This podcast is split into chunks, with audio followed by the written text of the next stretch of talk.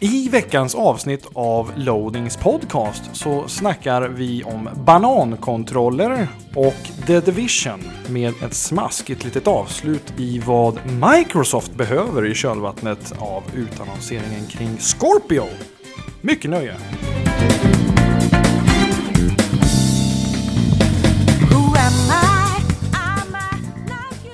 Hej och välkomna till Loadings podcast avsnitt nummer 167. Jag heter Viktor Sjöström. Med mig har jag David Grundström och Aron Ringberg Västhög. Nästan. Nästan, fast jag tvärtom ens- jag tänker inte ens säga det. Nej, Friskt vågat hälften vunnet. Nej, Aron Westberg Ringhög. hej och. Så, sån Ja, nej men ja, Ja. Man ska, man, rätt ska vara rätt. Du är flitig på att kommentera och det här är andra gången du gästar oss, tror jag bestämt. Ja, precis. Men första ja. gången nu när det är Loadings podcast. Exakt, viktigt. Precis, för, för lyssnare som inte har hängt med sedan IGN Sveriges podcast, vem är du? Aron Westerberg Ringhög. Är det inte vad jag har hört? Precis, jag kan också uttrycka mig i andra format uppenbarligen. Men jag försöker vara transparent i mina alias. Men eh, jag skrev ju på IGN sen eh, 2015 när David rekryterade mig. 2015 va? 2015. Måste Sen innan dess så har jag producerat en egen podcast med eh, några fantastiska människor och eh, 2013 började jag skriva om spel för Gamecore, Alexander Cederholm och Samuel Stenberg, Stenbeck, Stenberg, Samuel, norrlänningen. Ja, du ser. Ni... Ja, Ja. ja okej, okej, precis. Kasta första stenen här. vad, vad hette din podcast nu igen? Den- jag, eh, som, som är längst nu Mamma Pappa Spel. Och Mamma Pappa Spel är ju en podcast som behandlar från början då tv-spel och Men, mediet. även, men även mammor och pappor. Ja, det är ju mammor och pappor som är i panelen. Det är ju Almira Turström som är eh, doktorant, eh, neuroforskande, numera mm, väldigt mycket researcher för VR och studier och dylikt. Och så är det Jana Nykanen, en eh, spelutvecklare, vd för Divine Robot som utvecklar barnspel. Och så är det en supertech geek kille som vill kalla sig för datakille då, som heter Mats Millberg. Eh, som håller på med drönare och VR och allt möjligt och, och sådär. Och så är det jag. Som tycker mycket och låter mycket. Så att vi är fyra föräldrar, mammor och pappor som snackar om tv-spel och har väldigt fascinerande gäster tycker jag själv. Allt ifrån Elsa Dunkels, eh, framstående nätforskare i Sverige, till kanske skolchefen på That Game Assembly. Ann-Sofie Sydow och dylikt. Men det är, det är en väldigt sån där smal podd, är det ju. Eh, som dyker upp lite här och där. Finns på iTunes. Det Mamma bru- och pappa. saker och ting brukar ju i regel bli roliga av att man nischar dem. Mm. Och nischar man dem riktigt hårt så brukar det kunna antingen bli totalt obegripligt eller ganska kul. Det är därför våran podd inte är särskilt rolig. Just precis. Vi, vi försöker vara breda men det blir bara utspätt. Precis, men Like butter. skribentmässigt, du skriver på Loading. Ja, jag skriver, precis. Idag skriver jag på loading och väldigt, väldigt lite för IGN Nordic. Eh, och det är ju någonting som kommer med, eh, med den uppsättningen av den modellen som IGN Nordic har blivit sedan IGN Sverige var det tidigare för oss då. Eh, men utöver det så, så jobbar jag på Comhem i Stockholm eh, som produktionsledare och Ja, alltså det är ju bra liksom. Livet leker ju. Man, man har det ju bra. Jag har varit kallad av Jesper Englin för en rik man häromdagen. Jag vet inte hur jag förtjänade det. Jag känner mig inte så jäkla rik men, men jag är rik på livet är jag. Och spelar väldigt mycket spel. Rik på intryck. Kanske. Ja. Ja. Jag slänger ut frågan, hur är läget? ja, det är... Rätt ut i luften. Det är bra. Jag har eh, verkligen slängt ut eh, barnen, apropå slängt ut. Barnen är i eh, Blekinge och i Östhammar. Och det är ju fantastiskt för att då får jag och fästmön lite, lite lugn och ro nu och hon får jobba stenhårt och jag får jobba stenhårt och vara med i podcasts och vi funderade på att gå på bio ikväll och se Moonlight. Eh, Ja, just det. Förmodligen blir det väl snarare att vi åker hem och käkar rester och kollar på Black Mirror. Men det är inte helt fel det heller. Nej. Nej, det funkar. Och sen imorgon då åker vi ut till eh, minstingen som är ute hos min svärmor i Östhammar och, och firar lite påsk. Eh, och sådär. Så att det, det är fullt ös. Fullt ös. Och så är jag sen jag var på podcasten senast nyfrälst PC-galning. Så det är jävla häftigt. Alltså. Skaffat en burk. Ja. Jag har en, eh, jag kom över en, eh, en PC-rigg med, eh, Med fantastiska värden. Så Om ba, jag ska uttrycka mig akademiskt. bara faktumet att du använder ordet rigg är, är ju något slags tecken på någonting. Jag vet inte riktigt om jag beundrar eller föraktar begreppet rigg. Nej, en PC-dator, är inte det samma sak? Datamaskin. Battle Station. Precis. Herregud. Det är definitivt någonting som håller mig vaken om kvällarna. Det känns som att en, en rigg ska stå i en mancave. Ja, och mancave. Och då, och då, är, vi, då är vi inne på förakta territorium. Oh ja, absolut. Så att nej, no mancave är det inte snack om här, utan det är ju vårt sovrum. Och det är ju inte ett dugg populärt. Det är ju liksom, det är ju ett ljust skimmer på sena nätterna när fästmän har gått och lagt sig. Så att det är frågan om hur länge jag kommer att klara det där. Men det är kul, det, är en, det är en PC liksom med sån här 1080 GTX eh, i 760 någonting ni vet liksom. De här värdena som är... Alla coola siffror. Ja. Det här är bra kul att radio. Ja. Det är Vi har många bra siffror i, i, i podcasten. Ja, speciellt när jag har förberett andra sådana här spex när vi ska snacka Scorpio senare. Ja, just det. Hur är läget med dig David? Eh, det, det, är, det är rätt bra, men jag är lite skakad. Eh, från i fredags.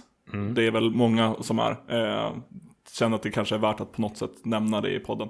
Det här terrorrådet som var i Stockholm. Mitt kontor där jag jobbar om dagarna eh, befinner sig ungefär 500 meter från Åhléns. Och eh, jag var ju fast på kontoret i, i flera timmar eh, på grund av det här.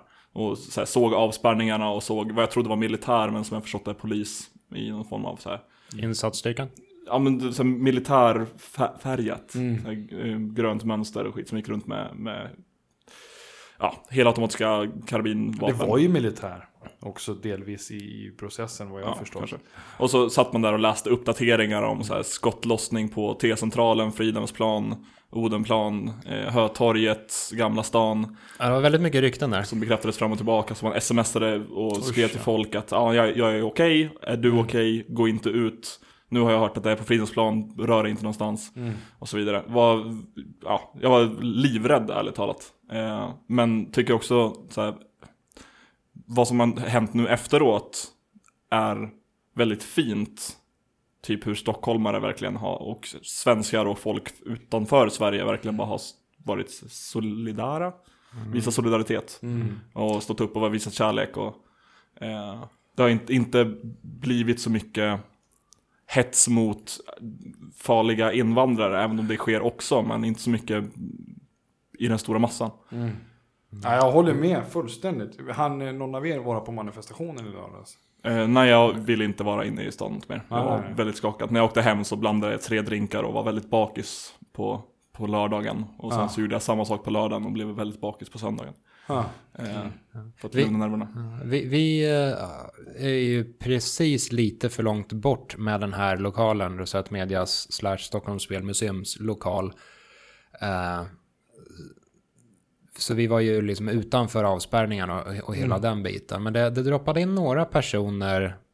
Det var en kvinna bland annat vars son jobbade på Drottninggatan. Och hon var liksom uppenbart skakad. Hon, hon kom in i, här i, i museet bara för att hon, hon ville vara inomhus någonstans. Ja. så vi, vi bjöd henne på lite läsk, läsk och så fick hon en plats att sitta på. Eh, och sen var ju... Ja, jag- kom ju väldigt lind, lindrigt undan så det, det sättet det påverkade mig på var ju att jag fick gå hem mot Sollentuna för att tågtrafiken var, var trasig. Ja. Eh, Men det, det, det var inget större problem så.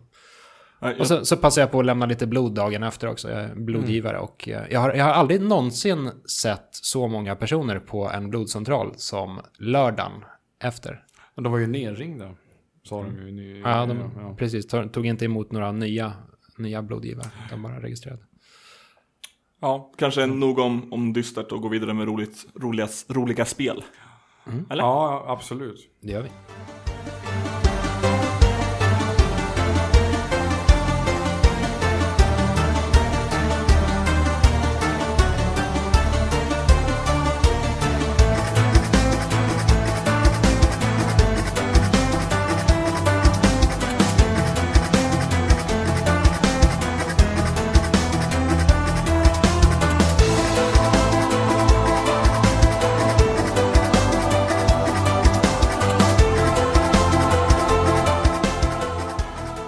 Det förra avsnittet av den här podcasten så var Daniel R med. Och vi har fått lite kommentarer på detta. Och till att börja med, det, är ju, det, är ju, det verkar komma som en förvåning för många att han uttalar sitt namn just Daniel R och inte Daniel, Daniel Eire. Ja, Och det, eller jag, Yre. Yre, det låter ju vansinnigt. Jag, jag innan jag eh, började säga hans efternamn på regelbunden basis tänkte mig väl det kanske som Eire. Mm, Jag hade en lång period när jag, när jag läste Daniel Eire, när jag var forumit och han skrev där på loading. I alla fall, den första kommentaren kommer från Daniel R. själv. Var snälla mot mig, jag har aldrig pratat i viktig radioapparat förut. Var snälla mot mig, jag har aldrig pratat i viktig radioapparat förut. Jag tror den har blivit inklippt två gånger. Ja, just det. Den två gånger. Eh, och folk har väl varit snälla mot honom? Det tycker jag. Ja, De har mest varit elaka mot mig. ja men det, Det är man ju. det, det, har de, det har de väl alltid varit. Eller det är vi väl alltid. Ja. Ska vi ta lite, eh, fläta de här kommentarerna på något sätt? ja, vill Aron vara med och läsa upp också? Absolut. Jag tycker du kan ta första här då. Då är Eller, det- den- eller den andra. Sanoyas. Ja, precis. Ja, precis. Inte Daniels igen då. Eh, Sanoyas 75. Bara rakt av, ingen dialekt nu. Det, det har vi inte fått ner data på, nej. Nej, precis. Okej. Jag tycker din insats var bra. Man kan prata fort och tydligt vilket du gör här. Good work. Och så en smiley. Det här är inte lätt i podcast, men ja. Precis. Jag tror det var en kommentar som vi inte hann med här där Daniel nämnde att han lyssnade på den och tyckte han pratade så snabbt och otydligt. Men det, var, det är väl någonting man är mer självkritisk om än, än vad som faktiskt uppfattas. Ja, det är hemskt att höra sig själv prata. I alla fall till en början. Nu, nu har vi Det gjort... är alltid hemskt att höra sig själv prata. I Ja, love to höra mig själv prata. fast nu, vi har gjort så många podcasts nu så jag reagerar inte riktigt över min egen röst. Visst, jag har en horribel röst, men jag har, jag har vant mig. inte så, den är jättefin. Nej. Fi- fiska kommentarer till nästa podd. Söker det här, vet du. Eh, Din kommentar. Ja, jo precis. Eh, då kan väl jag ta nästa här från Amanaman, eller Amanaman kanske. Skriver, finns det något sätt att lyssna på, på er podcast på mobiltelefonen? Har varit sugen på att lyssna men inte klurat ut om det går. Och det här eh, svarade jag på även i tråden, men tänkte att det kanske är intressant ifall någon sitter och lyssnar på sin dator och egentligen vill lyssna när de är ute på fri fot. Och ja, det finns podcastappar till i stort sett alla smartphones. Har du en iPhone så finns det en app installerad som heter Podcast. Eh, har du en Android så borde Google Play Music finnas och det har automatiskt podcastflöde. Så finns det tusentals podcastappar man kan ladda ner. Jag rekommenderar exempelvis Acast. Eller Downcast, de är bra.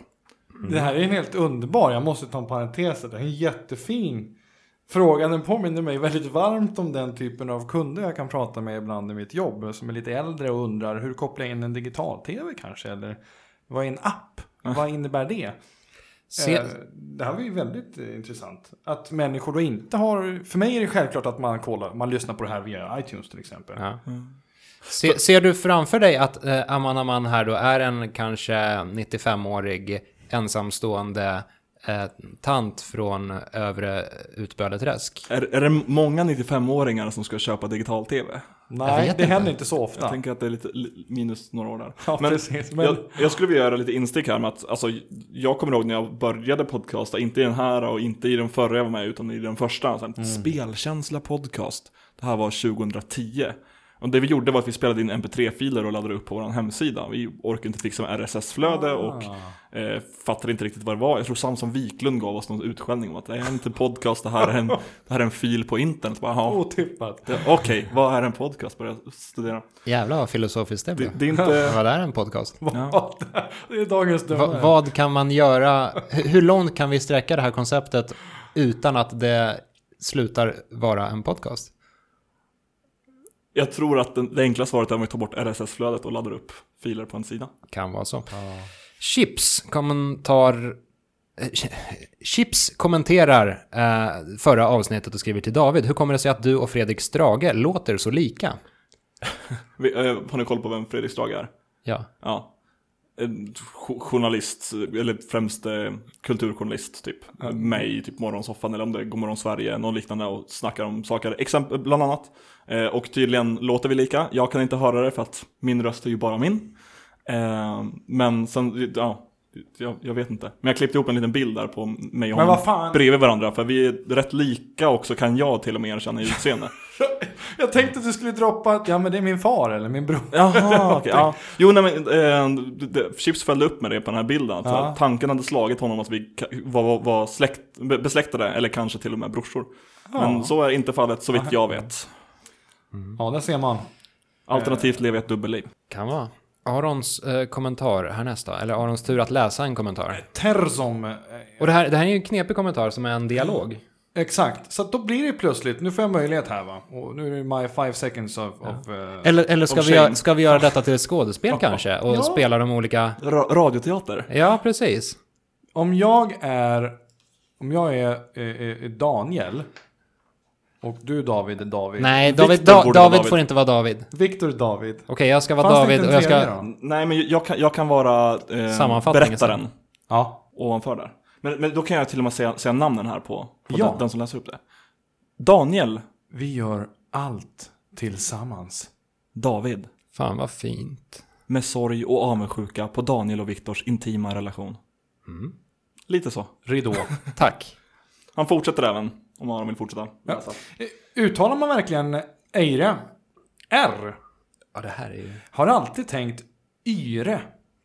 Mycket bra besök och man kanske börjar fnula på om det är att David och Viktor som pratar långsamt. Big smile. Jag skulle inte säga att vi pratar överdrivet långsamt, eller vad säger du David? Nej, jag tror inte det.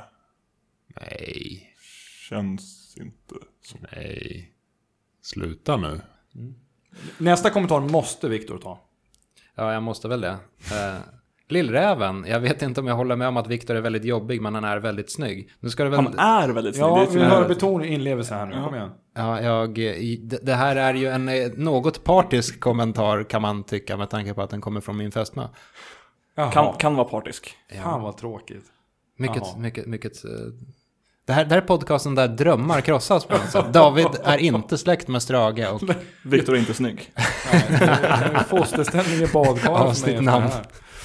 Eh, vi fortsätter här då. Sgt. Pepper skriver, är fortfarande i chocktillstånd om att är inte uttalas Eire. Eller Aire.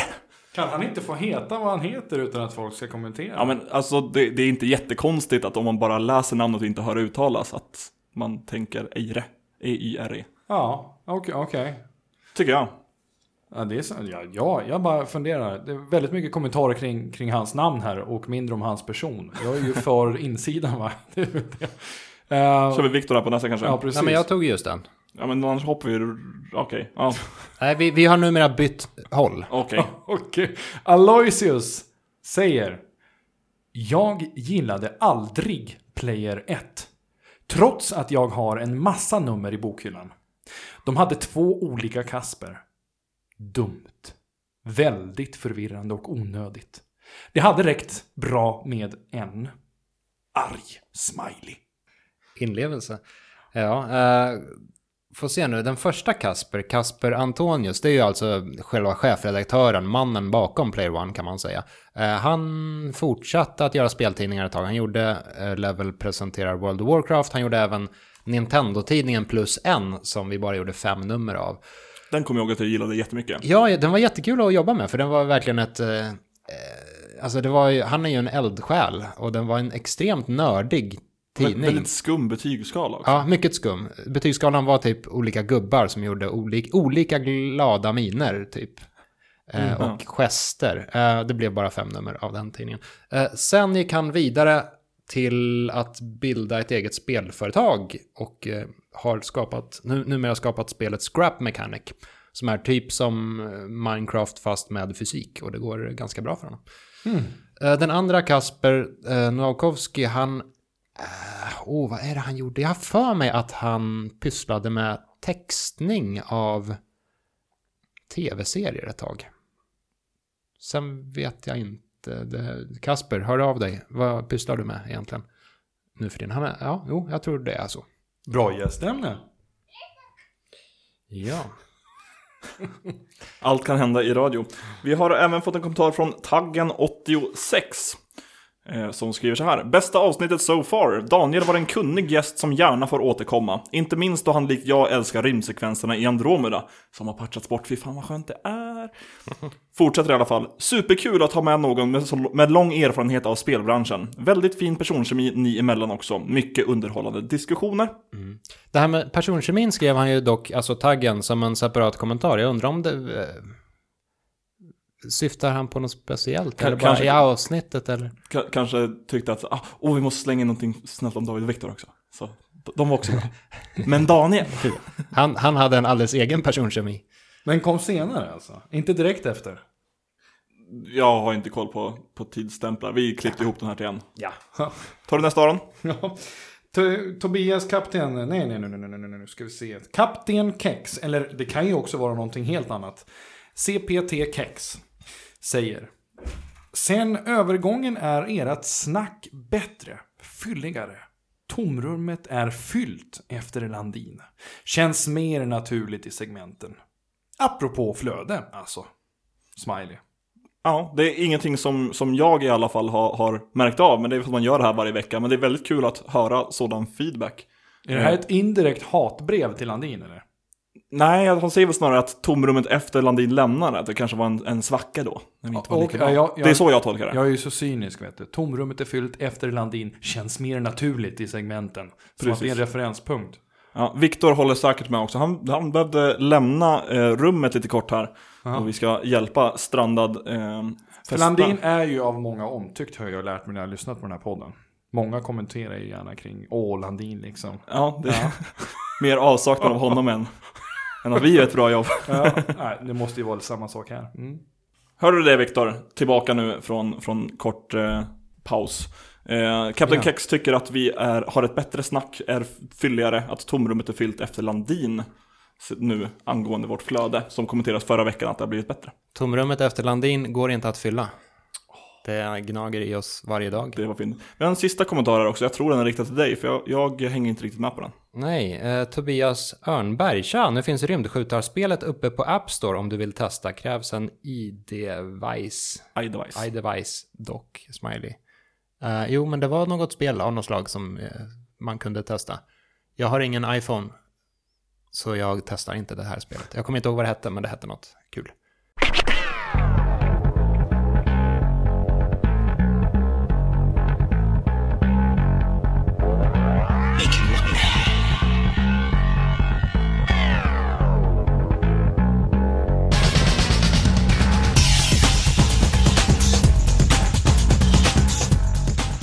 Det har börjat gå rykten om en potentiell The Matrix-reboot och det här är ju en dum idé till att börja med.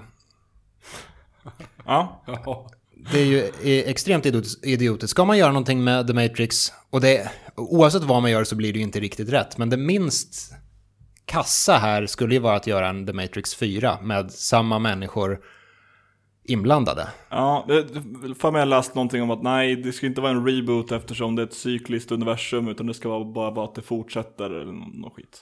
Ja. Men, ja. men nu kör vi att det är en reboot. Ja, om det här ryktet nu stämmer, vilket eh, kanske visar sig inte stämma. Det, det, och det, det här är ett litet sidospår också. Det är ju, jag tycker att det är ganska roligt att klämma in rykten i podcasts. Det är ju inte så...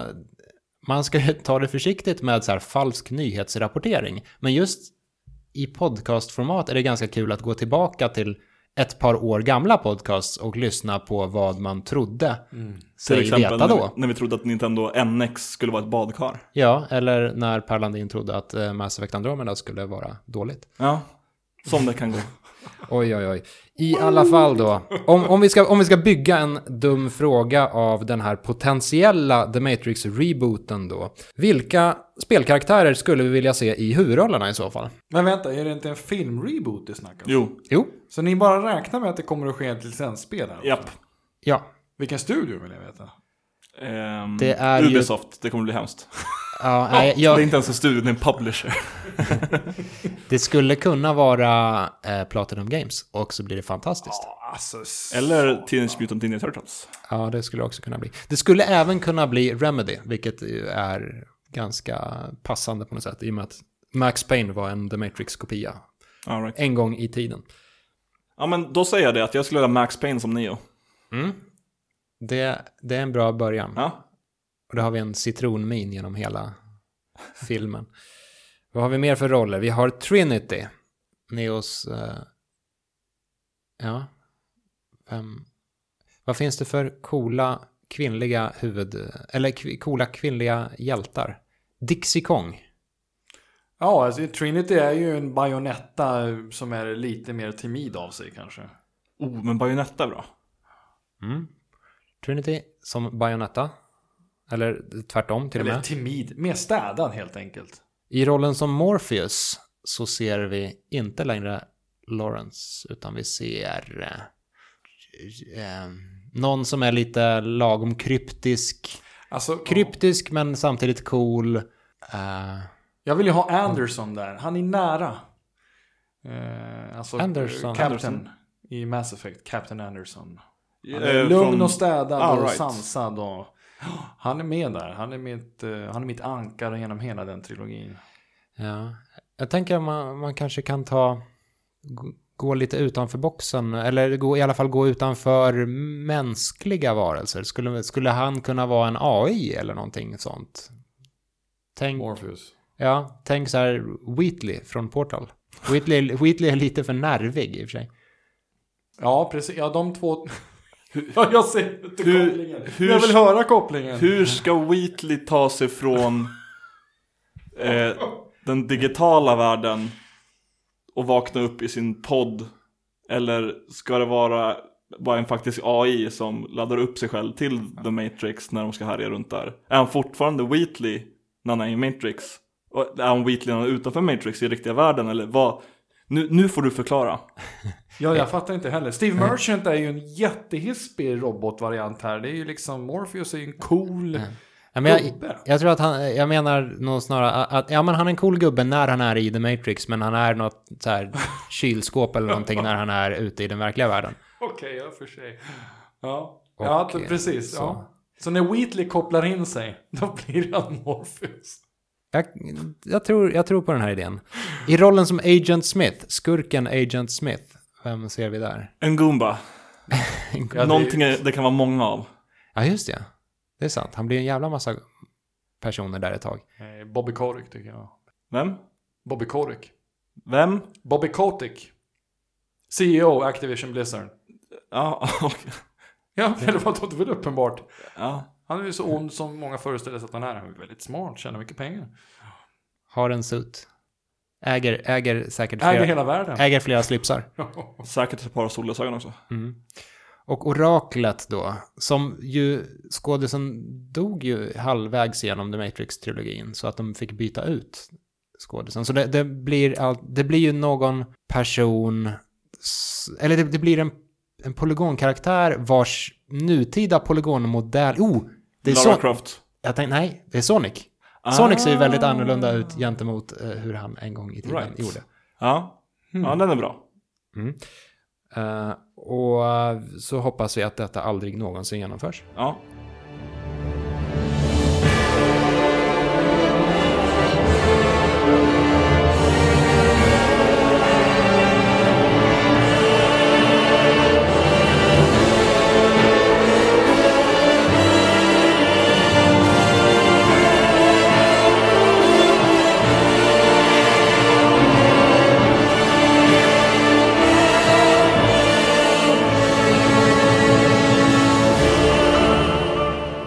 Veckans nyhetssegment rivstartar med konstaterandet att det- börjar ju bra redan på namnnivå här.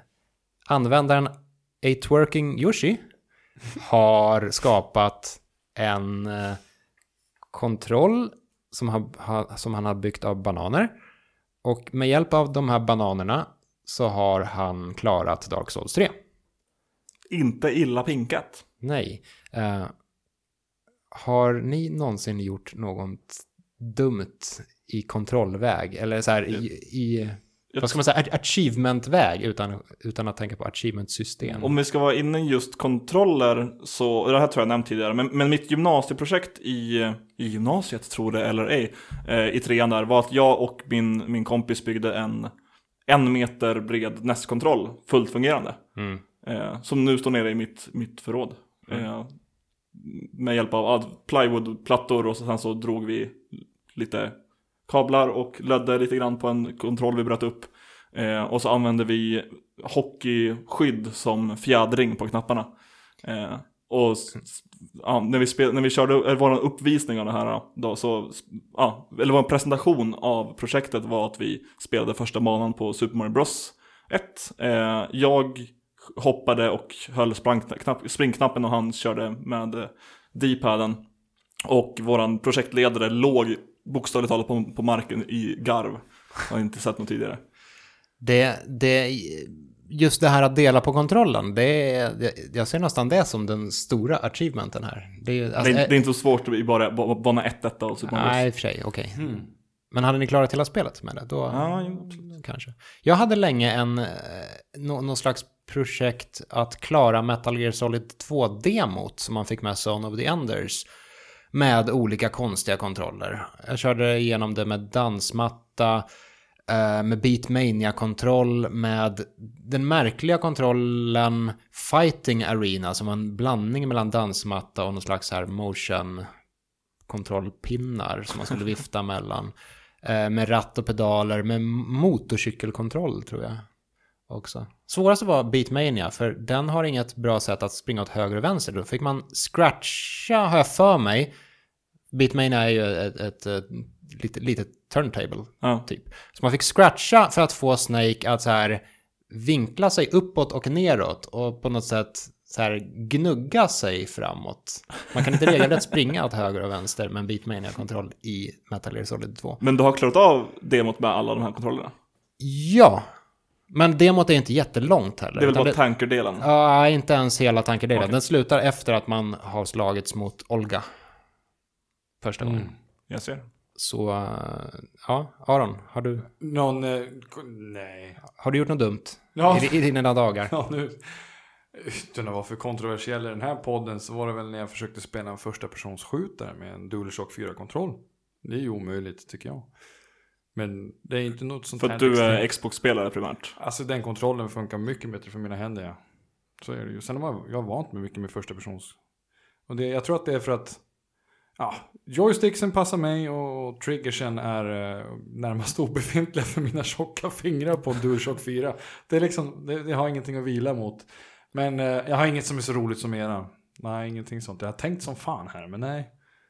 Inget så speciellt experimentellt har jag. Och nu, nu har du ju eh, skaffat PC också, så nu kanske du kommer bli eh, helt eh, liksom beroende av tangentbord-mus-kontroll i FPS och aldrig kunna gå tillbaka.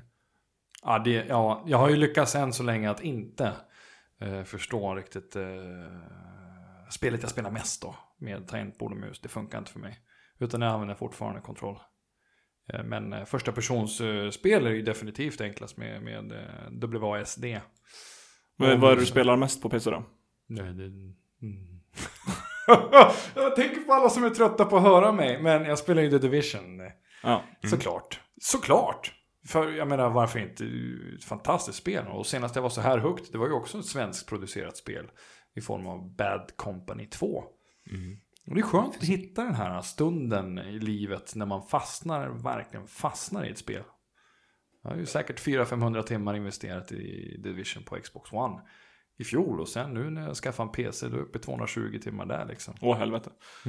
Vi kan snacka lite mer om det i spelat-segmentet kanske. Ja, och eh, om, eh, för all del, eh, bildgoogla Dark Souls 3 Banana om du vill ha en bild på den här Dark Souls 3-kontrolllösningen. Det är alltså, alltså livslevande bananer höll jag på att säga. Ver, verkliga bananer som är koppl- kopplade med sladdar och så rör man vid dem för att spela. Yes. Vi kan gå vidare till nästa nyhet här och det är eh, rykten om att Bioware håller på att utveckla ett nytt Knights of the Old Republic.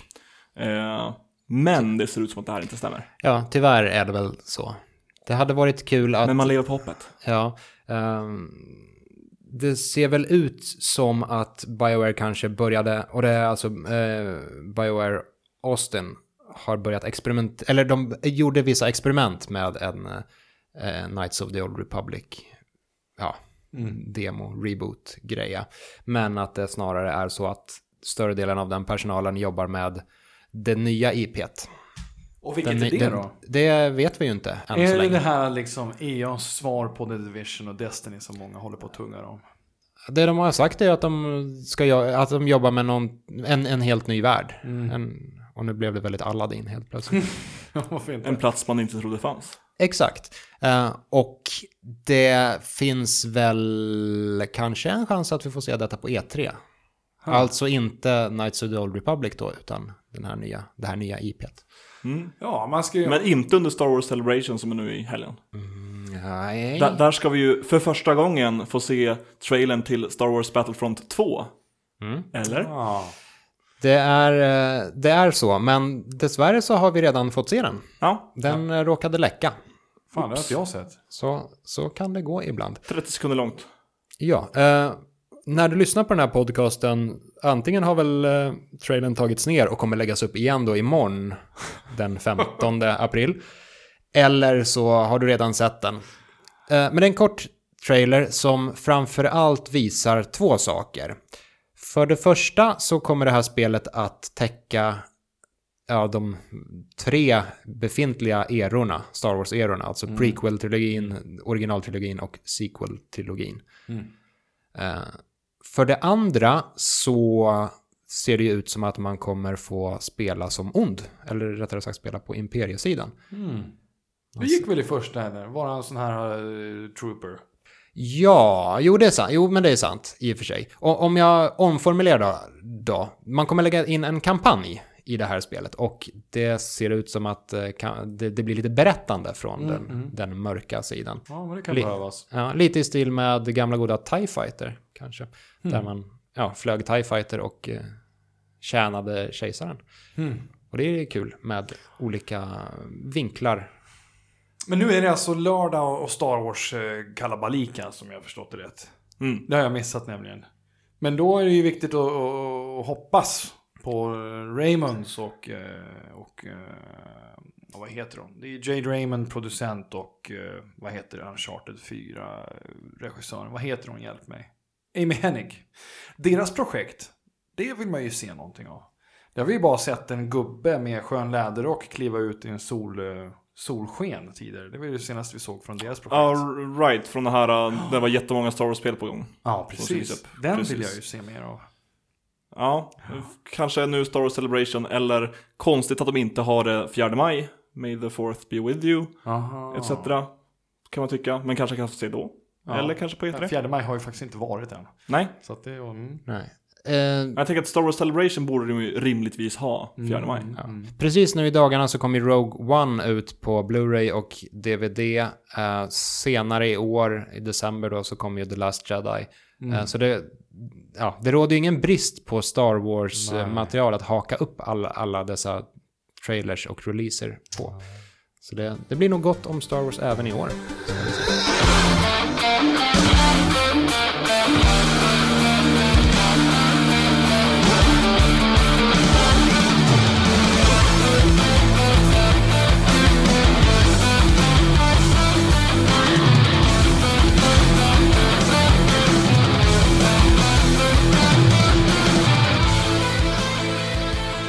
Vi har nått fram till spelat-segmentet i denna podcast. Eh, Jag har spelat två små spel. Jag tänker faktiskt snå åt mig första slotten och börja, börja snacka om detta. Pang. Eh, Ja, det, och det är lite roligt det här. Vi som spelar väldigt mycket och har ja, på något sätt befinner oss i spelbranschen på ett eller annat vis spelar ofta de här riktigt stora spelen och det, det blir lite förutsägbart vad man spelar på något sätt. Här. Ja.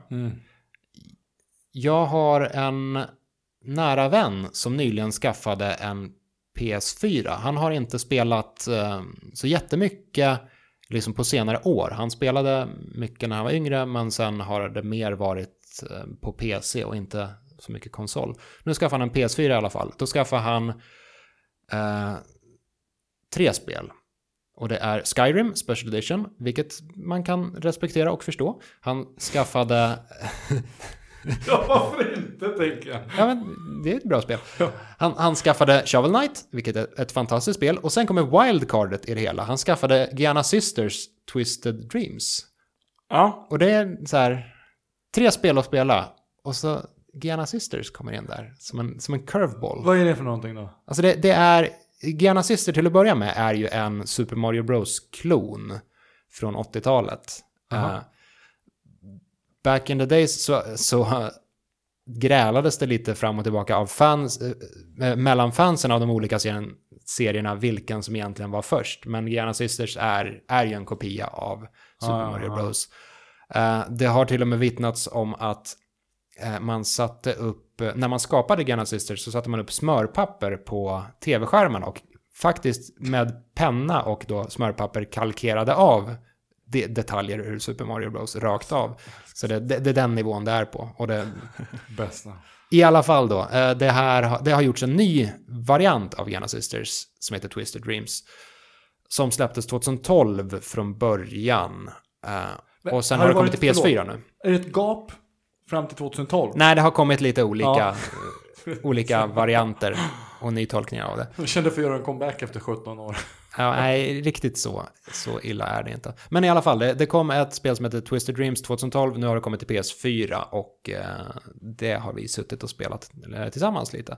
Eh, och jag, jag är ändå överraskad över hur kul det här är. Det, det är ju ett ganska enkelt plattformsspel, eller plattformskoncept. Eh, sen är hela grejen med det att man är just två systrar. The Giana Sisters. Eh, och man kan byta fram och tillbaka mellan dem när man vill. Eh, men när man byter syster så byter man även eh, dimension, typ. Så världen förändras när man... Alltså den ena, Giana, den, den ena systern eh, har en ljus värld och den andra har en mörk förvriden värld. Eh, och sen eh, en värld har vissa plattformar att hoppa på, den andra världen har andra plattformar att hoppa på. Oh, låter lite grann som eh, bästa delen i eh, Titanfall 2. Kampanjen. Ja, det just är det. och Ja, hoppa mellan väggar. Så tänk dig det fast ett äh, plattformsspel istället. Det, det är inte djupare in i skärmen och längre ut som Rayman brukar jobba med. Nej, utan det är platt. Ja, okej. Eh, men det är, det är ett kul switchar-koncept där hela tiden. Och det, det, har, ehm, det har ett soundtrack som ändras där också. Lite dynamiskt. Så det har en, en melodi som pågår. Men sen när man är i den ena världen så spelar den lite mer metal eh, version av den och den andra är lite mer så här syntig version av den. Viktorvärlden och Villevärlden. Ja, Ja, nej men nej, det är Victor och Ville-världen i så fall. Ja. Vill inte lämna den ena dimensionen. Nej, Nej, nu ska precis. vi lösa det här jävla måste man, läsa, härifrån. måste man ge sig in i syntarland och det är inte alls kul där inne. Vänta, så det är metal och synt? Ja, eller lite åt synthållet i alla fall. Men det, Ja. det är, ska man vara ärlig så är det, det är ganska bra musik i båda världarna. Och det, jag har för mig att ehm, bandet Machine Supremacy har varit inblandade. Och de är väl svenskar? Och gillar väl tv-spel. Det gör de väl? Kan man väl tolka. Ja, de kanske lyssnar på den här podcasten. Bäst för dem. Ja, bra jobbat hörni. Med Fucking musiken. Awesome. Så det har jag spelat. Eh, Faktiskt ett ganska eh, trevligt litet spel som är, ja, jag hade inte spelat om det inte hade dykt upp på det här viset. Men nu är jag ganska glad att det dök upp. En liten överraskning. Exakt. Yes. Jag kan gå vidare och, prata, vidare och prata lite mer om Persona 5, tror det eller ej.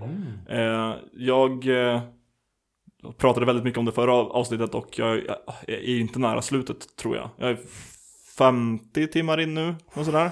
Mm. Eh, och det fortsätter vara bra, men jag har kommit till punkten att jag inte riktigt bryr mig om allting längre.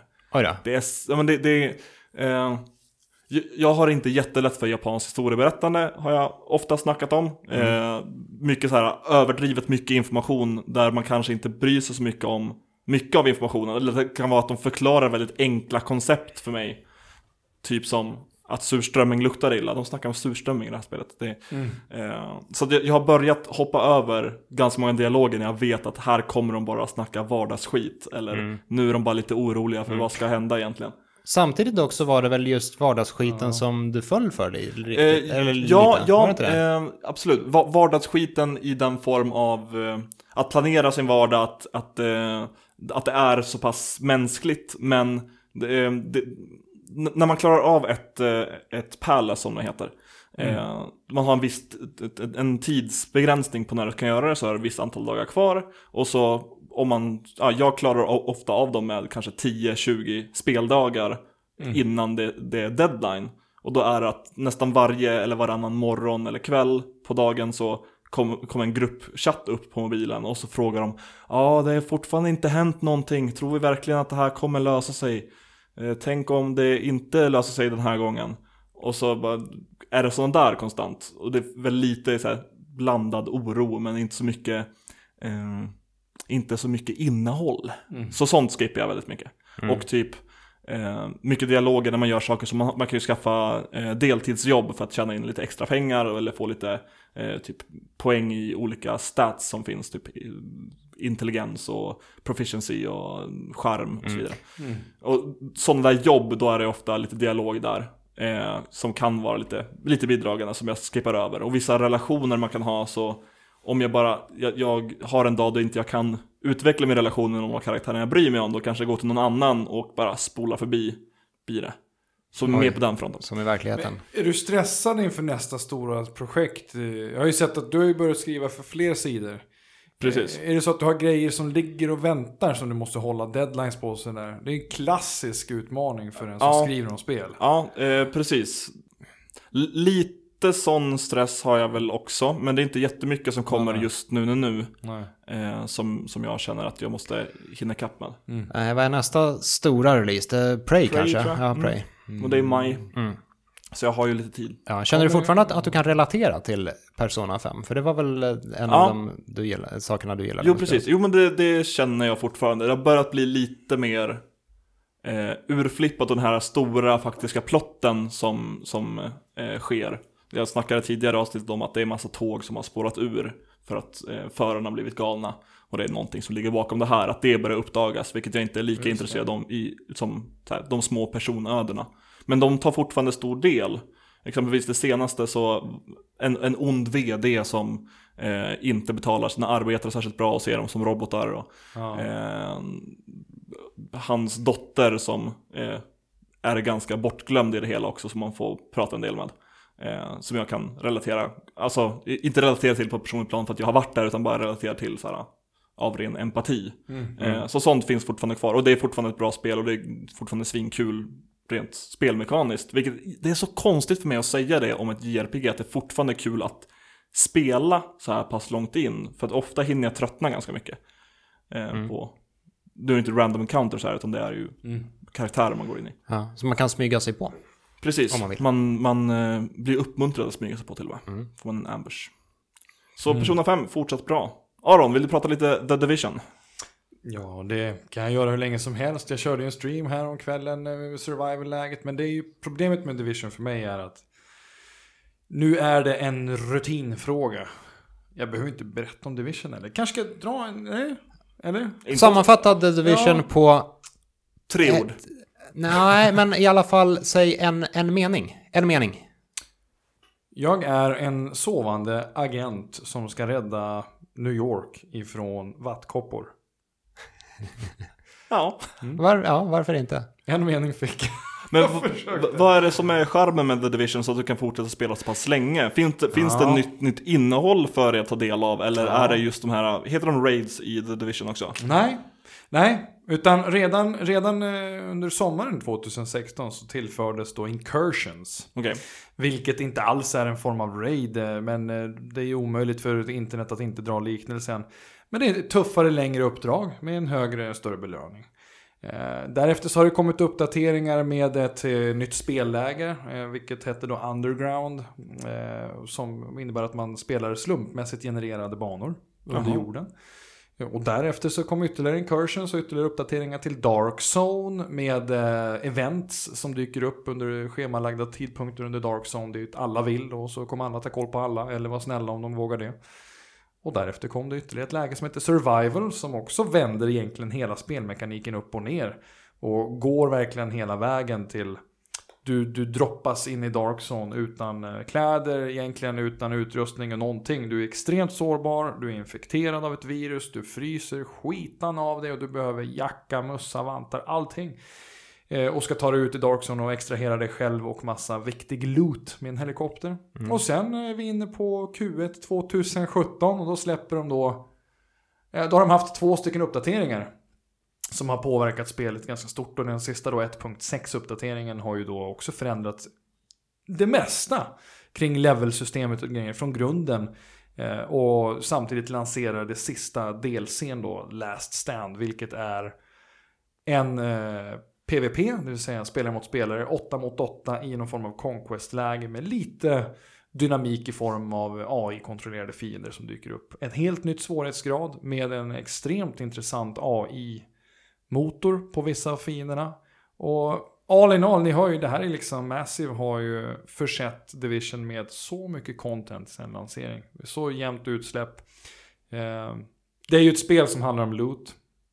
Ska man, Loot, för, ja, loot. för, för, för dig som har missat vad The Division är så är det väl ett tre, tredjepersons actionspel med multiplayer-fokus där det är lite, lite luddiga gränser för så här var co-op och var versus eh, börjar respektive slutar. Eller Sam- extremt tydliga gränser skulle jag vilja säga.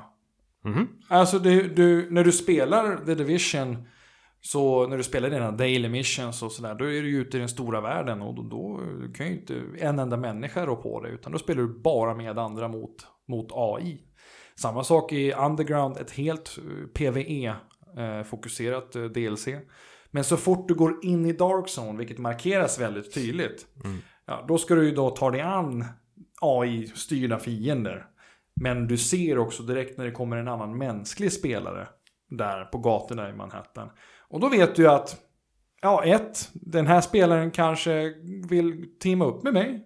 eh, Om hen känner sig ja, sugen. Eller så kommer hen att sänka mig rakt upp och ner och ta mina grejer.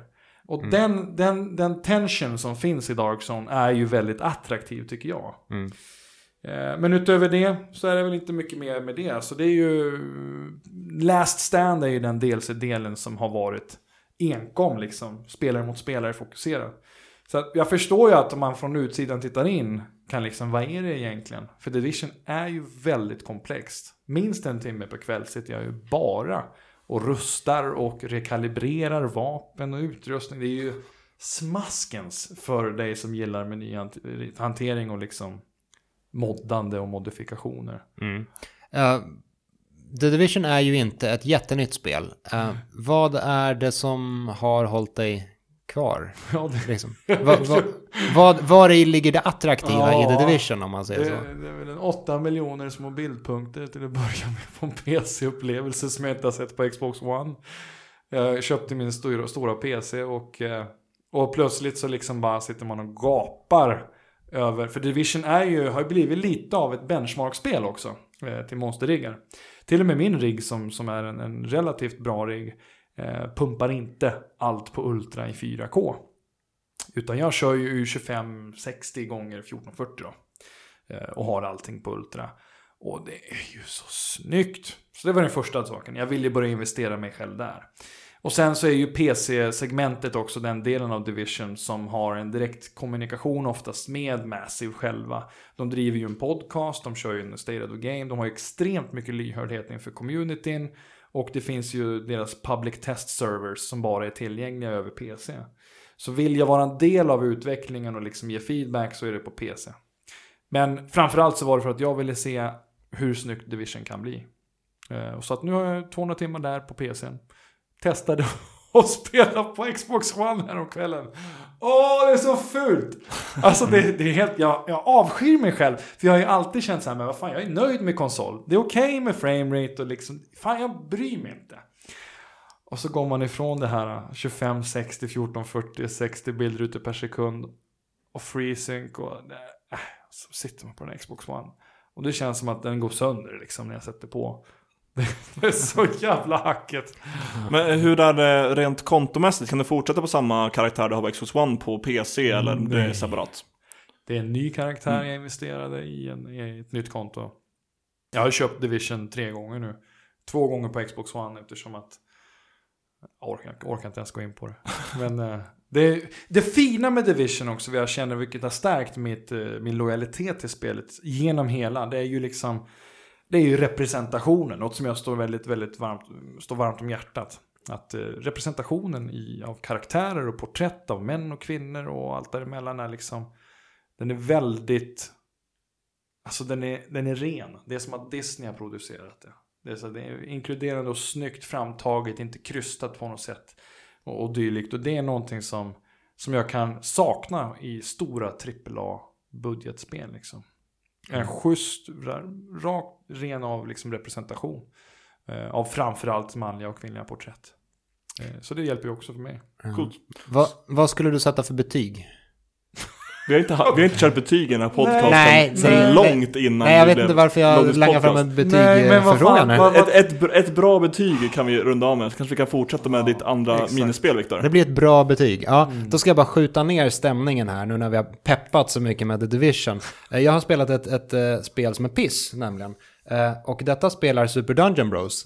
Spela absolut inte det här spelet, kan jag säga. Det, är, eh, det släpptes förra året och det är ju en slags Dungeon Crawler som man ser uppifrån.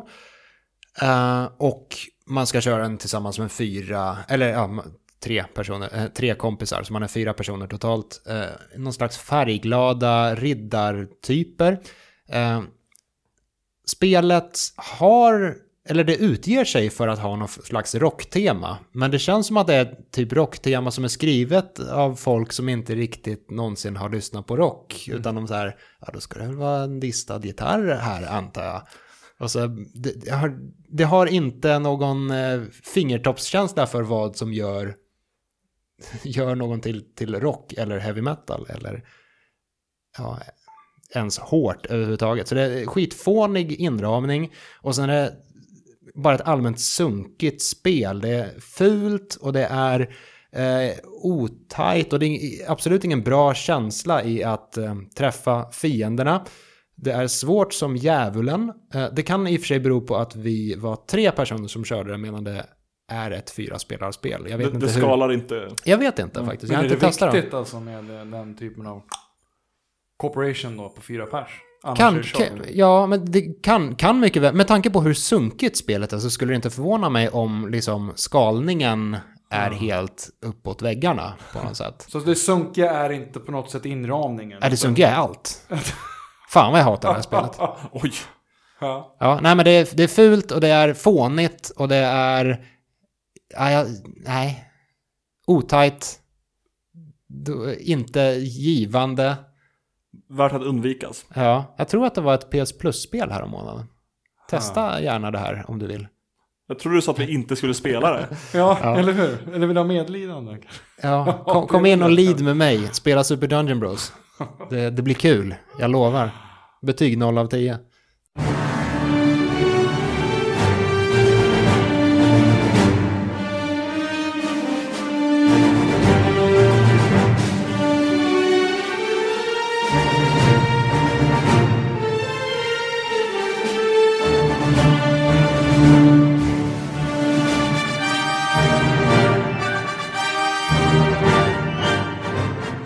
Slutligen har vi nått fram till ämnet i denna podcast och eh, Orsaken till att Aron är här. ja, faktiskt. Aron skrev till en, en chattgrupp vi har på Facebook och sa Hej om ni vill prata om Project Scorpio så kan jag komma och sa Ja, funkar idag? Ja, exakt. Hastigt och lustigt slängde vi upp en podcast. Ja, till och med typ. Och det, ja, mm, ja, Scorpio har väl de flesta av er lyssnare faktiskt, kan jag tänka mig, hört och läst och skaffat en god uppfattning om.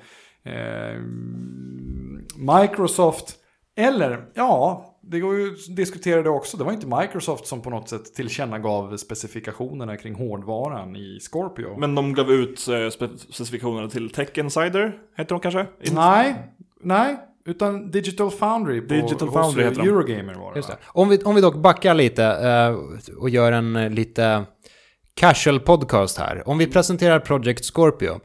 Microsoft har ju sin konsol Xbox One och nu i eh, vinter så kommer de släppa en rejält uppgraderad version av den här. Någon slags mid-cycle. Mm, Den, den sista konsolen Ja, det har de nämnt. Ja, de kommer släppa en, en eh, uppgraderad version av Xbox One och den går för tillfället under namnet Project Scorpio. Och det är ju inte den sista konsolen. Nej, precis. Jag, jag, jag behöver prata lite grann om det här. för jag, för jag, jag skrev en text där jag dissade Project Scorpio. Eh, det var en, efter att eh, eh, Specs visades upp. Så ja, det, skrev ingenting om det. Jag skrev om så här, jag tror inte det här kommer fungera. Och det var för att jag fortfarande i bakhuvudet huvudet hade rykten som kom kring när Eh, de sa att det här blir den sista konsolen. Eh, eller sista Xboxen. Eh, och då snackade man om, ska det vara utbytbara moduler, typ som en PC, att man köper ett nytt grafikkortsmodul och slänger in och så vidare. Men det här har då dementerats. Eh, vad man menar med att den är den sista konsolen, för det är någonting, eller sista Xboxet, Generationen. Ja, generationen, där har vi det. Det är att, ja men, Xbox Ones operativsystem, det är, det är klart nu. Så kör vi bara ny hårdvara som släpps kanske vart tredje år. Ja, och, Alltså det är bara att titta på Windows 10. Lär man känna Microsoft-familjen så förstår man ju att de vill integrera samtliga enheter med Windows 10. Så att, eh, den frågan var ju också luddigt ställd i sig till Aaron Greenberg då. Eh, som sitter på marknad på, på Xbox-divisionen. Och den är ju egentligen...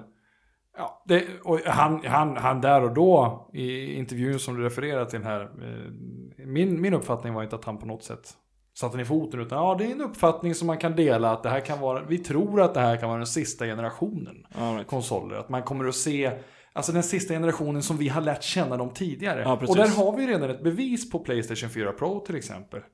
Att vi är ju på väg in i någonting nytt här.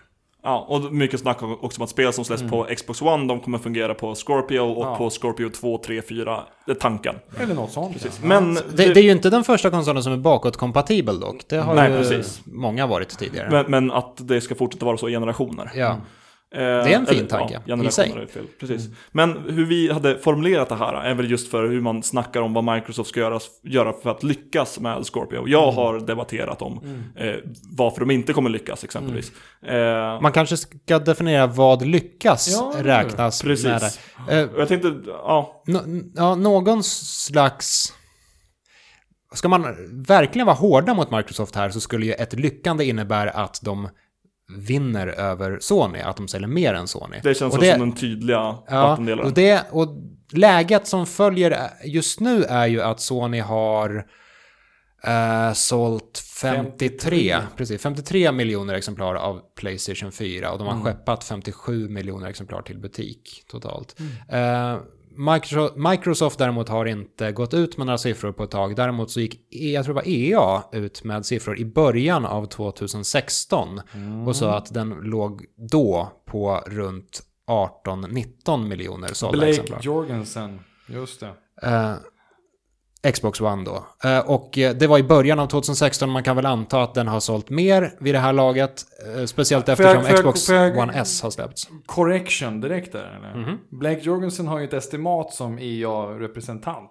Mm. På att 80 miljoner sålda enheter, alltså konsoler, skulle finnas på marknaden. För då bland Xbox One och Playstation 4 i slutet på 2016. Sen om de pratar fiscal year eller calendar year, det vet man ju aldrig i de här sammanhangen. Nej. Men baserat på då 50 drygt ungefär där de var när han sa det här. Så fanns det då en uppfattning om att aha, då ska alltså Xbox One vara uppe ungefär 30. Så enligt den här spekulationen så ligger då alltså då Xbox One på dryga 30 medan då Playstation ligger där över 53. Eh, om man ska hålla sig till det citatet då från Blake på, på EA. I vilket fall som helst då så innebär ju läget just nu att Sony har en rea, ett rejält Mm. försprång och ehm, ja, det är nästan dubbelt så mycket. Förra generationen blev ju väldigt jämn. Där nådde båda två, alltså Xbox 360 och Playstation 3 upp till runt 80 miljoner. Ja, jag tror att PS3 Så. sålde fler mot slutet till och med. Hör det? Globalt. Ja, ja, för fan. Jag tror att de passerar precis i slutet. Hur många ligger de på nu? Nej, men det, är, men det är runt 80-strecket där. Jag vet att Ja. Xbox 360 tror jag stannade på 78 om jag inte missminner mig. Phil Spencer gick ut med det i april när han tillkännagav eh, nedläggning av produktion för Xbox 360. Mm. Så någonstans där runt 78 miljoner. Ja, jag för mig Ja. å- 80 miljoner på de två, 100 Ja. miljoner på Wii. I alla fall, eh, Scorpio släpps i jul och Ja. vad händer då? Ja, för det första så tänker jag vi ska bara... Jag gillar ju det här med Scorpio. Scorpio är ju kul, Q4. Det är ju liksom en, en uppgradering precis som Pro är. Den är ju en eh, 40 drygt procent mer power än Pro liksom. Och det finns ju... Det är faktiskt väldigt imponerande hårdvara de har stoppat in i, Ja. i den här boxen för att vara en, en, en hemmakonsol och inte en liksom, Ja. gaming-PC. Det tåls ju sägas. Ja, för det, så är det ju definitivt. De har ju gjort någonting galet där Microsofts arkitekter som inte ens han på Digital Foundry kunde riktigt utläsa i sina analyser. Det som har gjorts här är väl egentligen, vad heter han? Eh, pff, alltså, han i Digital Foundry kan inte jag namnet på. Men, eh, men det de valde, jag lyssnade på en intervju med Albert Penello från Microsoft som jobbar med produkt. Och beslutet av att lägga det på Digital Foundry, det handlade ju om att de tänkte okej, vi, kan, vi kan presentera de här specifikationerna på hårdvaran och säga att det är så jävla bra. Eh, Det som kommer hända är att internet kommer säga nej ni snackar bara skit i marketing. Och sen så kommer de vänta tills dess att Digital Foundry lägger upp sin analys. Och då var tanken då, vi tar den direkt till dem istället för att skippa skitsnacket så får de lägga upp det. Har det är väldigt fascinerande.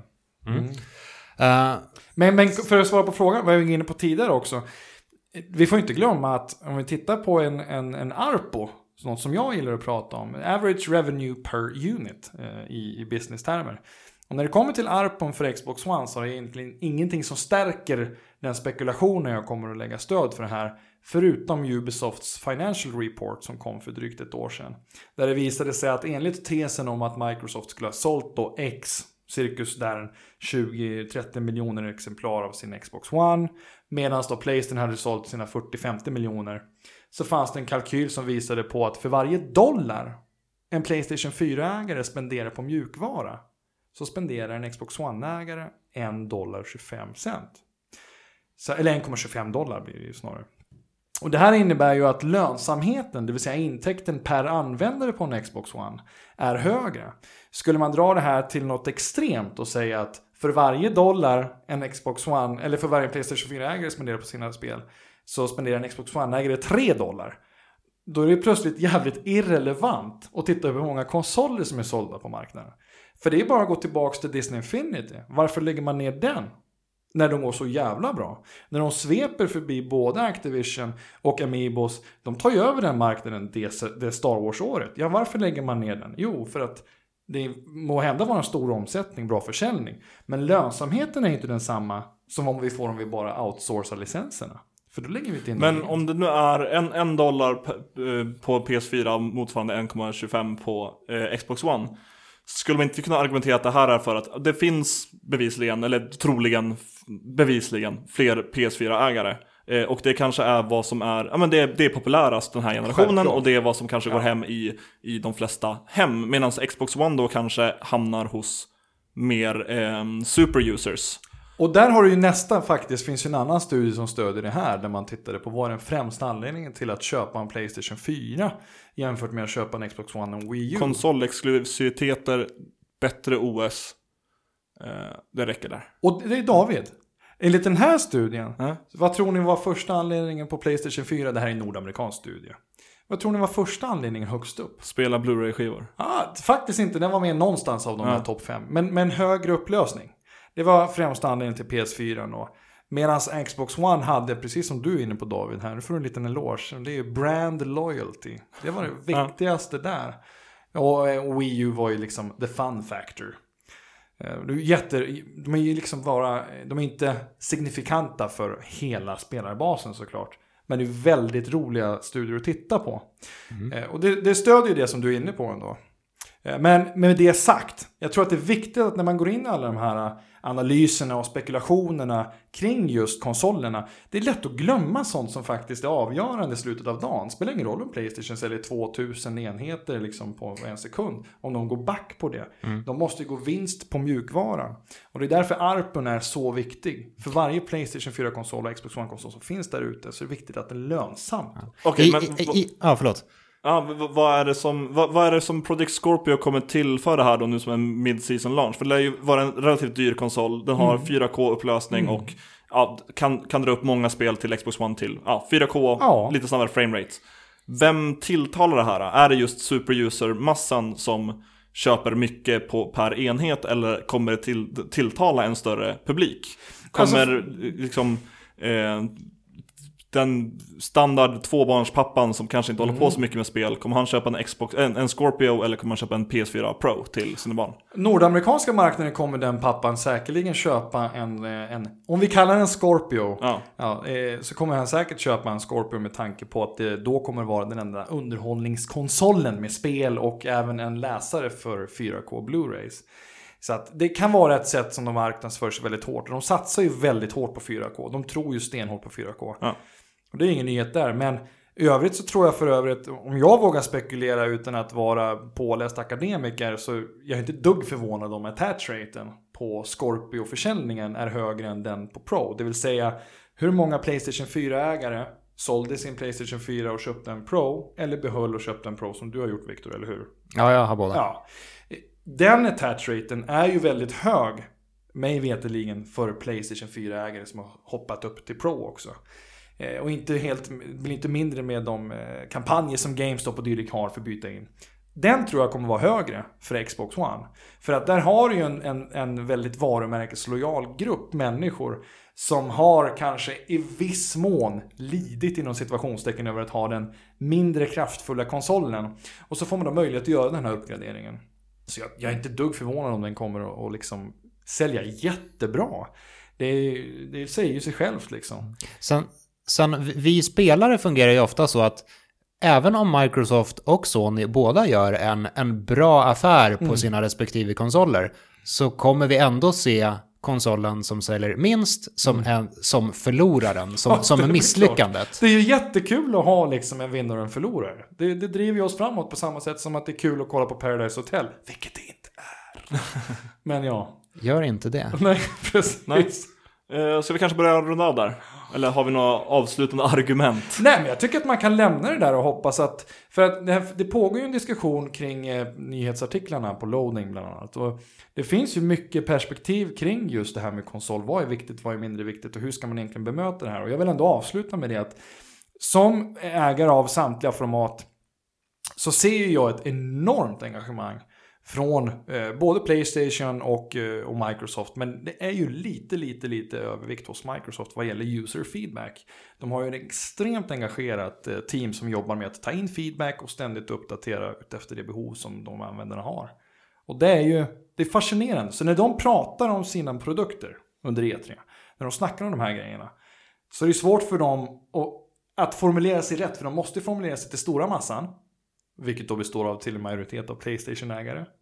Men samtidigt pinpointa den här jätteviktiga communityn som faktiskt trots allt prioriterar brand loyalty. Och visa att vi har er som spelar på en Xbox. Och det är ju en jättefascinerande studie i PR-kommunikation om man tycker om sånt. Så att säga. Right. Yes. Håller du med Aron, eller hur man ska säga det här? Har du en kommentar på det här avsnittet? Eller en, en, eller en profetia om Xbox eh, Scorpio, i, i, Project Scorpio till och med, i, i största allmänhet. Så kan du lämna en kommentar som finns på forumtråden på loading.se. Du kan också skriva till oss privat på Twitter. Det heter- jag at aidsplain. Jag heter att Viktor med C underscore Ljungström. Ja. At Aron med två A understreck understreck VR. Två Som då står för alltså. virtual reality, inte Westerberg Ringhög. Typ. Väst, typ så. ring, ring, Ja. hög. Eh, Eller hur det nu var. så, som då. Tack så jättemycket för att du ville gästa Aron. Ja. Eh, och vi hörs nästa vecka. Ha det bra. Ciao!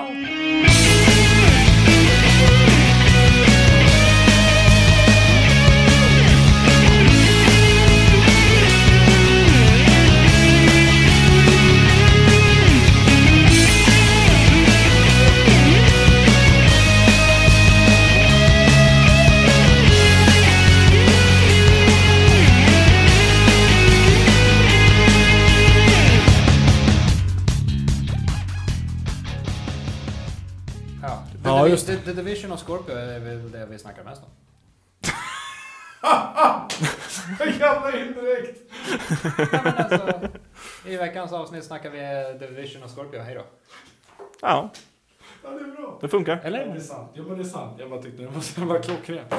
Eh, vad ska... I veckans avsnitt av Loadings podcast pratar vi om... I veckans avsnitt av Loading... Nej, Aron gick sönder. Ja, då har vi bloopers i alla fall. Det är Ja. alltid kul med bloopers. Okej. Ja. I veckans... Men du gjorde det med flit, eller hur? Va? Nej. Det fanns inga intentioner här. Den var fantastisk. Eh, I ve... Men herregud. Ja, men jag tyckte det var så bra. David, du förstod det. Ja. Ja, ja. Okej. Mask. Teater, Aron. För fan, teater. I veckans avsnitt av... Nu skrek jag ju så att jag Ja. gick upp, upp över taket. I veckans avsnitt av eh, IGN, höll jag på att säga. Det händer hela tiden. Du är inte den första. Oh, Man är van.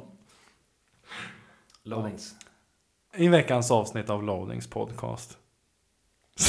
Vill inte du ha lite mer energi sa du? Ja, nu blir det ju den här låga energin ändå. Okej, nu kommer jag av mig.